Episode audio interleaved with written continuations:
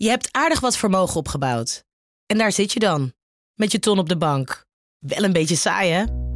Wil jij, als belegger, onderdeel zijn van het verleden of van de toekomst? Bridgefund is een slimme fintech die een brug slaat tussen de financiële behoeften van ondernemers en van beleggers. Dus wie belegt bij Bridgefund krijgt niet alleen een mooie vaste rente, maar brengt ook ondernemers in beweging. Echt waar! Met die ton kan je zoveel betere dingen doen. Bridgefund. Make money smile. Benzine en elektrisch. Sportief en emissievrij. In een Audi plug-in hybride vindt u het allemaal. Ervaar de A6, Q5, Q7 en Q8 standaard met quattro vierwielaandrijving. Wat u ook zoekt, u vindt het in een Audi. Audi. Voorsprong door techniek.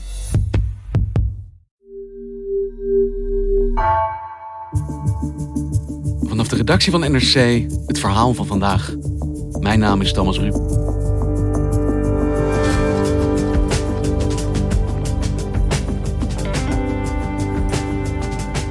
Hoe is het om homo te zijn op een reformatorische school?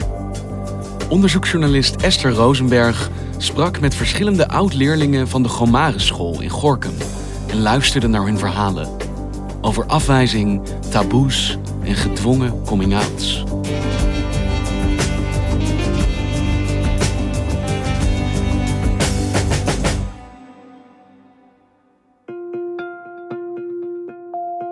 Ik was 12, denk ik. En toen, voor die tijd had ik nooit over mijn geaardheid nagedacht, zeg maar, voor mijn twaalfde. Ja, en dan begint het natuurlijk een beetje te komen. En ik werd toen ook in de eerste klas voor het eerst homo genoemd, als scheldwoord zijnde. Ik wist niet eens wat het woord betekende, weet je wel. Dus ik, ik zat, het ging dat een beetje googelen. En toen is eigenlijk dat balletje voor mezelf pas gaan rollen van, oh. Dit is Marijn Baggerman. Hij is 20 jaar oud. Hij is niet heel groot, niet heel klein. Hij ziet er niet heel opvallend uit. Hele leuke, aardige jongen. Hij is een oud-leerling van de Gomaris, een scholengemeenschap in Gorkum. En hij is gay, hij is homo. En waarom ben jij met hem in contact getreden? Ik heb de afgelopen maanden met heel veel oud-leerlingen gesproken van die school, van de Gomaris. Omdat zij homoseksueel zijn op een reformatorische school. In een vrij gesloten eh, gemeenschap. En uh, ik was benieuwd hoe hun leven was. Even voor mijn beeld, wat moet ik me precies voorstellen bij zo'n reformatorische school? Er zijn in totaal zeven reformatorische scholengemeenschappen in Nederland. En er zijn nog veel meer reformatorische basisscholen ook. De Gemaris is er daar één van. Het is een van de kleinere van de zeven. Hoeveel leerlingen lopen daar rond? Er lopen ongeveer 1700, 1800 leerlingen rond. Zij komen allemaal het kleine dorp in de buurt van Gorkum. Uh, dat zijn allemaal hele christelijke dorpen. We hebben elf kerken. 11.000 inwoners, dus dan kan je wel een beetje begrijpen. Ja, dus ja, echt gewoon driekwart van het dorp gaat naar de kerk. Wat natuurlijk prima is. En zij brengen eigenlijk heel hun jeugd ook door in zo'n reformatorische of in ieder geval heel christelijke gemeenschap. Ze gaan op zondag twee keer naar de kerk, s ochtends, uh, s avonds na het eten. Ze doen uh, catechisatie, ze zitten in jeugdgroepen, ze sporten vaak in het team van de kerk. Als ze een bijbaantje hebben, dan werken ze ook vaak, nou ja, bijvoorbeeld in de kassen daar veel met andere jongeren van de kerk. En een meisje vertelde bijvoorbeeld ook dat vroeger haar ouders, als ze naar een garage gingen, gingen ze bijvoorbeeld naar een christelijke garage. En als ze naar de bakker gingen, dan gingen ze naar een christelijke bakker. En als ze een aannemer nodig hadden, uh, dan huurden ze ook een christelijke uh, aannemer in. religie informeert eigenlijk alle aspecten van hun leven. Ja, het is een vrij gesloten gemeenschap en een vrij homogene gemeenschap. En wat is dan de blik van deze jongeren op de buitenwereld? Krijgen ze die mee zoals andere jongeren? Ik denk dat ze er heel weinig van te zien krijgen. Ze hebben geen tv thuis, in principe. En sommigen vertellen dat ze dan wel een tv thuis hebben, eh, maar dat die in de kast verborgen staat. Of dat als ze tv kijken, dat eerst de gordijnen dicht uh, gaan.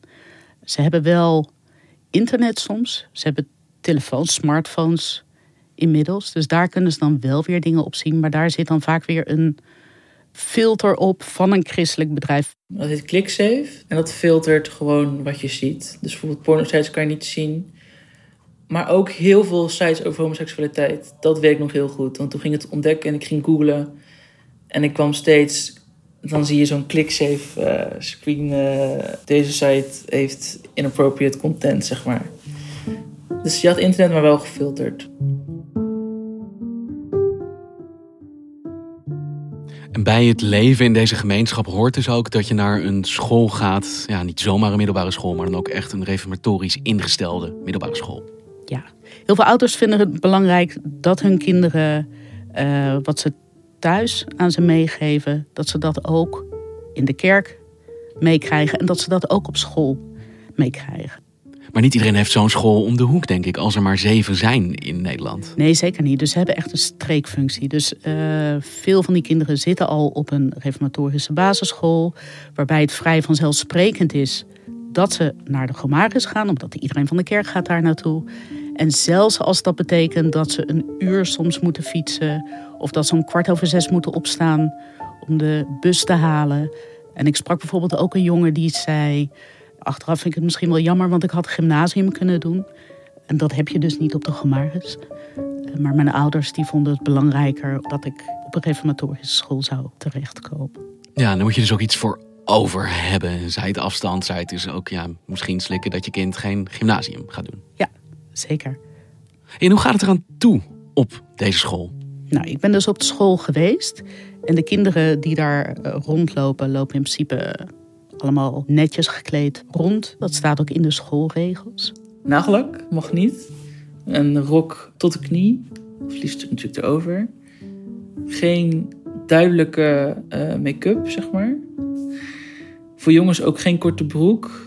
Ja, in de zomer is dat bloedheet. Dat is verplicht. Dat is verplicht.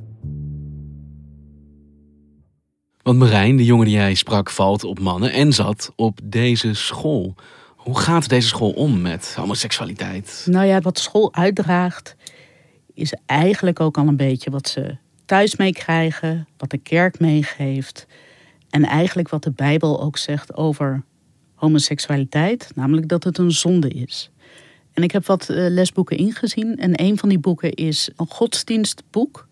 Dat heeft de godsdienstdocent van de Gomaris zelf geschreven, zelf gemaakt. En daar stonden gewoon vragen in en antwoorden. En die moest je gewoon leren voor je toets.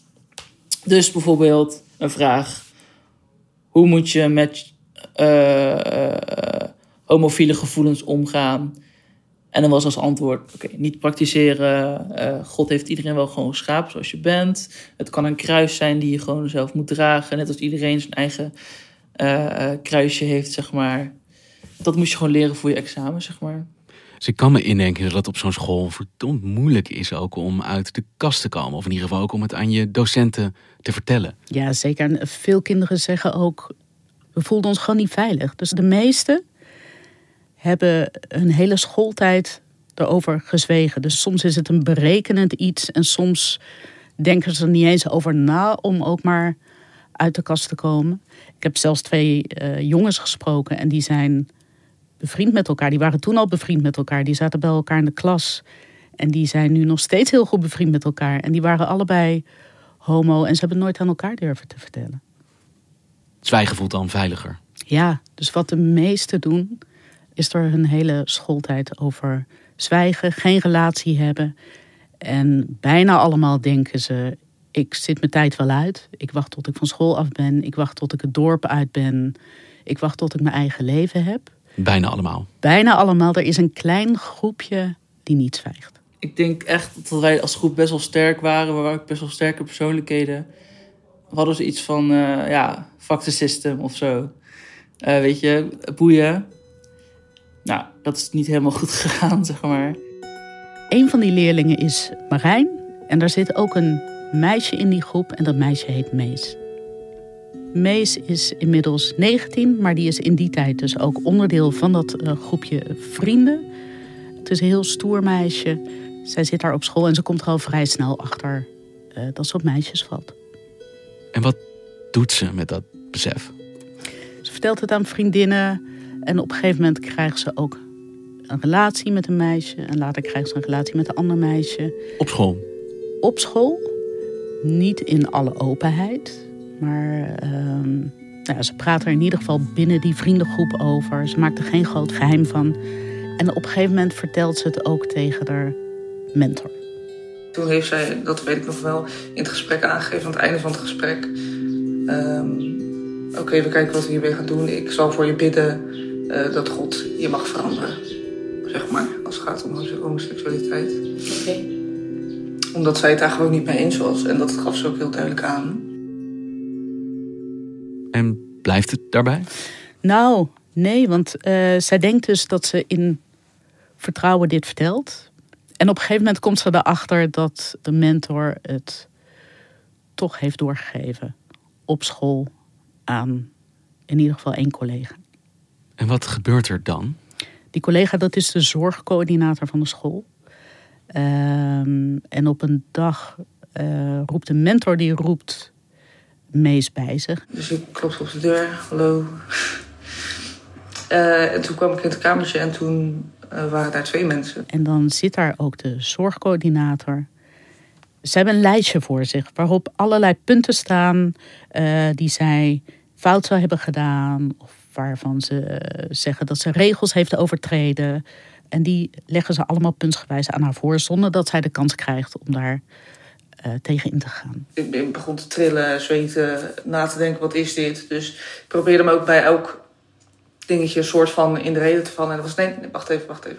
En een van die punten is eh, dat ze op meisjes valt. En op dat moment legt de zorgcoördinator haar eigenlijk voor. We weten dat je op meisjes valt. En we willen dat je ouders het ook weten. Je mag nu kiezen of jij gaat het aan je ouders vertellen of wij gaan het doen. Dat is de keuze waar ze haar voor stellen. Ja, en zij schrikt daar heel erg van. Dus ze is al in paniek eigenlijk door alles wat ze eh, te horen krijgt, wat de school allemaal over haar eh, zegt. En dan krijgt ze dit te horen en ze raakt echt in paniek. Want dit is een ultimatum wat ze haar geven. Jij vertelt het of wij gaan het doen. Dit is al ultimatum en zij denkt nog heel even dat ze er onderuit kan komen. En dan zegt de zorgcoördinator, ehm, je ouders staan al beneden. We gaan ze halen. Die zijn naar school gehaald. Die zijn al op, op school. Toen gaf hij aan, je ouders staan beneden, die komen er nu aan. Nou, dat was voor mij helemaal... eh, ja, ik- mijn ouders wisten daar helemaal niks van. Dus ja, ik werd helemaal gek gewoon in mijn hoofd. Dus toen de- de- ging hij voor de deur staan, terwijl ik eh, aan het schreeuwen was, of roepen eigenlijk. Mag ik weg alsjeblieft? Ik probeerde het eerst nog een soort van normaal te zeggen, maar eigenlijk ging dat al niet meer. Mag ik naar buiten en eh, dit mogen jullie niet doen en eh, waarom ga je voor de deur staan? Eh, Dat soort dingen. Ze wordt opgesloten in die kamer in afwachting van haar ouders... aan wie ze nog nooit verteld heeft dat ze op meisjes valt. Ja, en ze kan geen kant op. En dan? Ehm, op een gegeven moment komen de ouders binnen en die gaan zitten. En op dat moment vertellen de zorgcoördinator en de mentor... eh, vertellen tegen de ouders dat ze lesbisch is, dat ze op meisjes valt. Ze wordt op school gedwongen om voor haar ouders uit de kast te komen. Ja, dat is het. Eigenlijk, ehm, het is een geforceerde coming-out, zoals dat denk ik heet. Mees is niet de enige. In diezelfde week vertelt school tegen de ouders van nog twee meisjes eh, dat ze lesbisch zijn. En ehm, een van die meisjes heb ik ook gesproken. En die vertelt eigenlijk eenzelfde soort verhaal. Ook dat meisje raakt in paniek. Ze heeft eigenlijk precies dezelfde reactie. Dus ze kijkt ook uit het raam, ze wil weg. En, en eh, ze gaat hyperventileren en ze eh, gaat huilen. En ze kruipt gewoon weg onder een tafel in die kamer. Uit een soort paniekreactie. Doodsbang. Doodsbang. En dan komen de ouders binnen. Dat klinkt simpelweg dramatisch. Ja, dat is het denk ik ook. Mees heeft op een gegeven moment hulp later. Dus op het moment dat ze al van school af is, heeft ze hulp gekregen van een psycholoog om dit te verwerken. En het andere meisje dacht heel lang dat ze er helemaal geen last van had. Nou ja, tot ze op een gegeven moment die beelden van dat kamertje en van het moment dat het aan de ouders werd verteld, steeds terugkwamen in haar hoofd. En dat ze zelfs harde muziek aan moest zetten om het kwijt te raken uit haar hoofd. En dat ze slecht ging slapen. En op een gegeven moment denkt ze, ik ga naar een psycholoog. En die stelt vast, dat is nog maar heel recent, begin maart van dit jaar. Die stelt vast dat ze een trauma heeft. Gewoon letterlijk een trauma. Een trauma.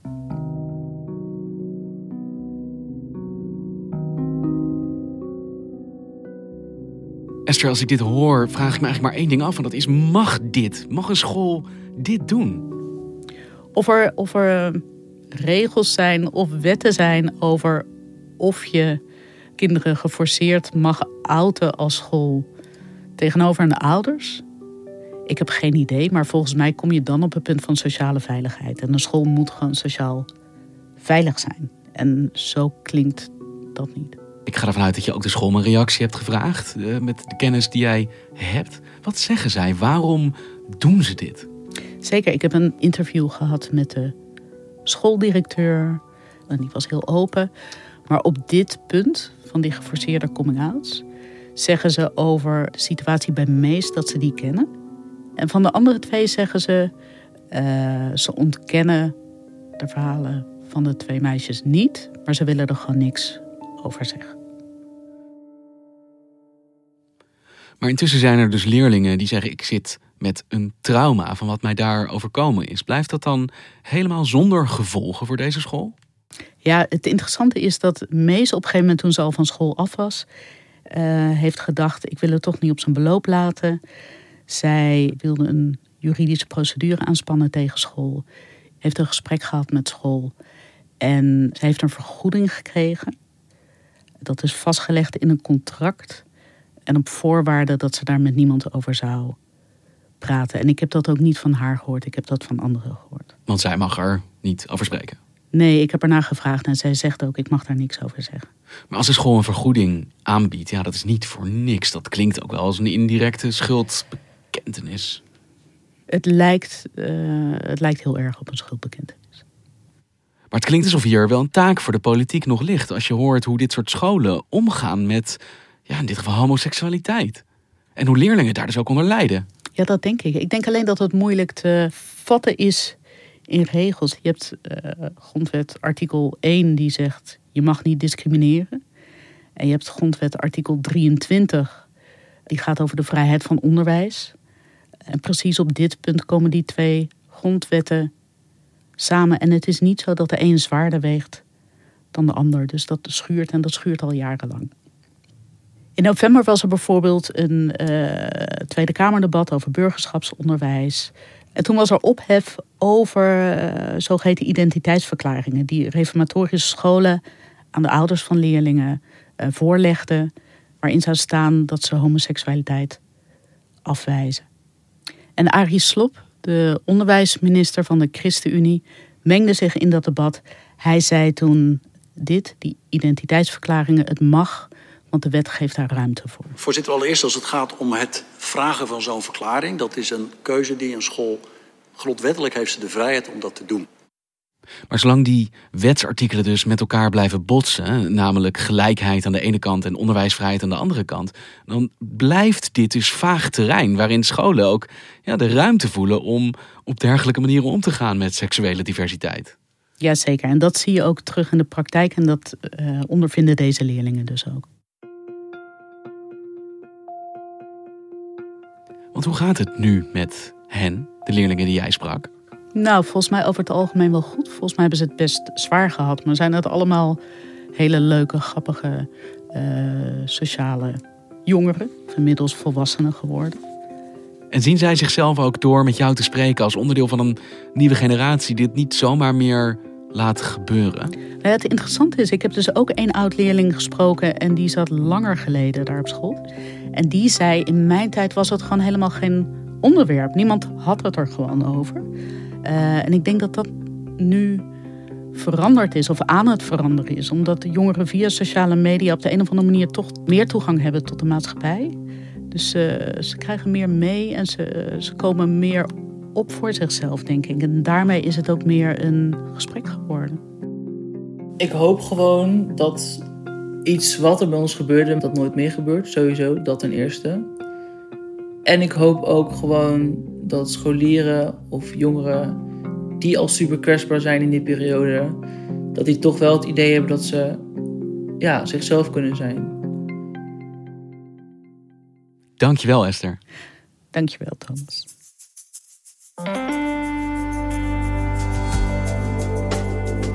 Je luisterde naar vandaag, een podcast van NRC. Eén verhaal, elke dag. Deze aflevering werd gemaakt door Anna Korterink en Jan-Paul de Bond. Plaatsvervangend chef van de audioredactie is Ido Haviga. Dit was vandaag, morgen weer.